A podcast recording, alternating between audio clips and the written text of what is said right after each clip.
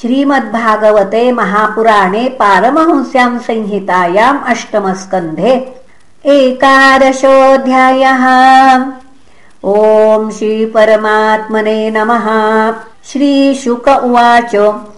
अथ सुरा प्रत्युपलब्धचेतस। परस्य पुंसः परयानुकम्पया जघ्नुर्भृशं शक्रसमीरणादयस्तांस्तान्रणे यैरभिसंहताः पुरा। वैरोचनाय संरब्धो भगवान् पाकशासनः। उदयच्छद्यदा वज्रम् प्रजाः हेतुचुक्रुषुः। वज्रपाणिस्तमाहेदम् तिरस्कृत्य पुरस्थितम्। मनस्विनम् सुसम्पन्नम् विचरन्तम् महामृधे। नटवन्मूढमायाभिर्मायेषान्यो जिगीषसि जित्वा बालान्निबद्धाक्षान्नटो हरति तद्धनम्। आरुरुक्षन्ति मायाभिरुत्सिसृप्सन्ति ये दिवम् तान्दस्युन्विधुनोम्यज्ञान् पूर्वस्माच्च पदादयः। सोऽहम् दुर्मायिनस्तेद्य वज्रेण शतपर्वणाम् शिरो हरिष्ये मन्दात्मन् घटस्वज्ञातिभिः सह बलिरुवाच सङ्ग्रामे वर्तमानानाम् कालचोदितकर्मणाम् कीर्तिर्जयो जयो मृत्यु सर्वेषाम् स्युरनुक्रमात् तदिदम् कालरशनम् जनाः पश्यन्ति सूरयः न हृष्यन्ति न शोचन्ति तत्र यूयमपण्डिताः न वयम् मन्यमानानामात्मात्मानम् तत्र साधनम् गिरोवः साधुशोच्यानाम् गृह्णीमो मर्मताडनाः श्रीशुक उवाच इत्याक्षिप्य विभुम् वीरो नाराचैरवीरमर्दनः आकर्ण्यपूर्णैरहनदाक्षेपैराहतम् पुनः। एवम् निराकृतो देवो वैरिणा तथ्यवादिना। नामश्यत्तदधिक्षेपम् तोत्राहत इव द्विपः। प्राहरत्कुलिशम् तस्मा अमोघम् परमर्दनः स यानोऽन्यपतद् भूमौ छिन्नपक्ष इवाचलः। सखायम् पतितम् दृष्ट्वा जम्भो बलिसखः सुहृत् अभ्ययासौरुदम् सख्युर्हतस्यापि समाचरन्। स सिंह वाह आसाद्य गदामुद्यम्यंहसा अजत्रावताडयच्छक्रम् गजम् च सुमहाबलः गदा प्रहारव्यथितो भृशम् विह्वलितो गजः जानोभ्याम् धरणिम् स्पृष्ट्वा कश्मलम् परमम् ययौ ततो रथो मातलिनाम् हरिभिर्दशशतैर्वृतः। आनीतो द्विपमुत्सृज्य रथमारुरुहे विभुः। तस्य तत्पूजयन् पुनः तस्य तत्पूजयन् कर्म यन्तुर्दानवसत्तमः। शूलेन ज्वलता तन्तु स्मयमानो हनन्मृधे सेहेरुजम् सुदुर्मर्षाम् सत्त्वमालम्ब्यमातलिः इन्द्रोजम्भस्य सङ्क्रुद्धो वज्रेणापाहरच्छिरः। जम्भम् श्रुत्वा हतम् तस्य ज्ञातयो नारदादृशेः नमुचिश्च बलः पाकस्तत्रापेतुस्त्वरान्विताः। वचोभिः परुषैरिन्द्रमर्दयन्तोऽस्य मर्मसु शरैरवाकिरन्मेघा धाराभिरिव पर्वतम्। हरीन्दशशतान्याजौ हर्यश्वस्य बलशरैः तावद्भिरर्दयामास युगपल्लभूहस्तवान्। शताभ्याम् मातलिम् पाको रथम् सावयवम् पृथक्। सकृत्सन्धानमोक्षेण तदद्भुतमभूद्रणे।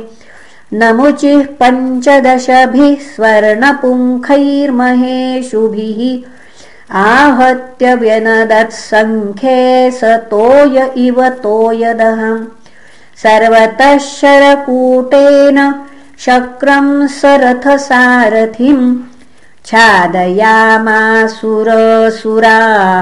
प्रावृट पुनः प्रावृट्सूर्यमिवाम्बुदाः अरक्षयन्तस्तमतीव विह्वला विचुकृशुर्देवगणा सहानुगाः। अनायका शत्रुबलेन निर्जिता वणित्पथा भिन्ननवो यथार्णवे। ततस्तुराषाढिषु बद्धपञ्जराद विनिर्गतः साश्वरथध्वजाग्रणीः बभौदिशः खम् पृथिवीम् च रोचयन् स्वतेजसा सूर्य इव क्षपात्यये। निरीक्षपृतनाम् देवः परैरभ्यर्दिताम् रणे उदयच्छद्रिपुम् हन्तुम् वज्रम् वज्रधरोरुषा सतै पुनः सतेनैवाष्टधारेण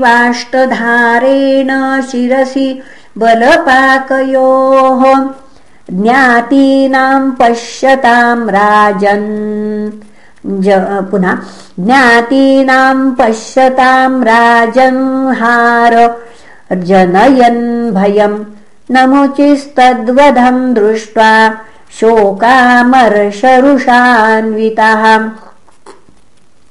जिघांसुरिन्द्रम् नृपते चकार परमोद्यमम् अश्मसारमयम् शूलम् घण्टावद्धेमभूषणम् प्रगृह्याभ्यद्रवत् पुनः प्रगृह्याभ्यद्रवत्क्रुद्धो हतोऽसीति वितर्जयन् प्राहिणो देवराजाय निनदन् मृगराडिव तदापतद्गगनतले महाजवम् विचिच्छिदे हरिषुभिः सहस्रधा।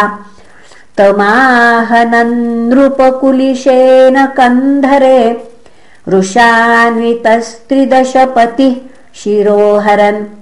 न तस्य हि त्वचमपि वज्र ऊर्जितो बिभेदय सुरपतिनौजसेरितः तदद्भुतम् परमतिवीर्यवृत्रभित् तिरस्कृतो नमुचि शिरोधरस्त्वचा। तस्मादिन्द्रो बिभेच्छत्रोर्वज्र प्रतिहतो यतः। किमिदम् दैवयोगेन भूतम् लोकविमोहनम् येन मे पूर्वमद्रीणाम् पक्षच्छेदः प्रजात्ययम्। कृतो निविशताम् भारैः पतत्रैः पतताम् भुवि। तपःसारमयम् त्वाष्ट्रम् वृत्रो येन विपाटितः अन्ये चापि बलोपेताः सर्वास्त्रैरक्षतत्वचः सोऽयम् हति पुनः सोऽयम् प्रतिहतो वज्रो मया मुक्तो सुरेल्पके। नाहम् ददा ददे दण्डम् ब्रह्म तेजोऽप्यकारणम् इति शक्रम् विषीदन्तो माहवागशरीरिणि। नायं शुष्कैरथो नाद्रैर्वधमर्हति दानवः। मयास्मै यद्वरो दत्तो मृत्युर्नैवार्द्रशुष्कयोः। अतोऽन्यश्चिन्तनीयस्ते उपायो मघवन्रिपोः तां दैवीं गिरमाकर्ण्य मघवान् सुसमाहितः। ध्यायन् फेनमथा पश्यदुपाय मुभयात्मकम्। न शुष्केन चाद्रेण जहारनमुचे शिरः तं तुष्टुवुर्मुनिगणा माल्यैश्चावाकिरन्विभुम् गन्धर्वमुख्यौ जगतुर्विश्वावसुपरावसु। देवदुन्दुभयो नेतुर्नर्तक्यो नृतुर्मुदा अन्येपेवम् प्रतिद्वन्द्वान् वायव्यग्निवरुणादयः सूदयामासुरस्त्रौघैर्मृगान् केसरिणो यथा। ब्रह्मणा प्रेषितो देवान् देवर्षि नारदो नृपो। वारयामास विबुधान् दृष्ट्वा दानवसंशयम्। नारद उवाच भवद्भिरमृतम् प्राप्तम् नारायणभुजाश्रयैः श्रिया समेधिताः सर्व उपारमतविग्रहात्। श्रीशुक उवाच संयम्यमन्युसंरम्भम् मानयन्तो मुनेर्वचः उपगीयमानानुचरैर्ययुः सर्वे त्रिविष्टपम् ये वशिष्टारणे तस्मिन्नारदानुमतेन ते बलिम् विपन्नमादाय अस्तम् गिरिमुपागमन् तत्राविनिष्टावयवान् विद्यमानशिरोधरान् उशनाजीवयामास सञ्जीविन्या स्वविद्यया बलिश्चोशनसा स्पृष्टः प्रत्यापन्नेन्द्रियस्मृतिः पराजितोऽपि नाखिद्यल्लोकतत्त्वविचक्षणः इति श्रीमद्भागवते महापुराणे पारमहंस्यां संहितायाम् अष्टमस्कन्धे देवासुरसङ्ग्रामे एकादशोऽध्यायः।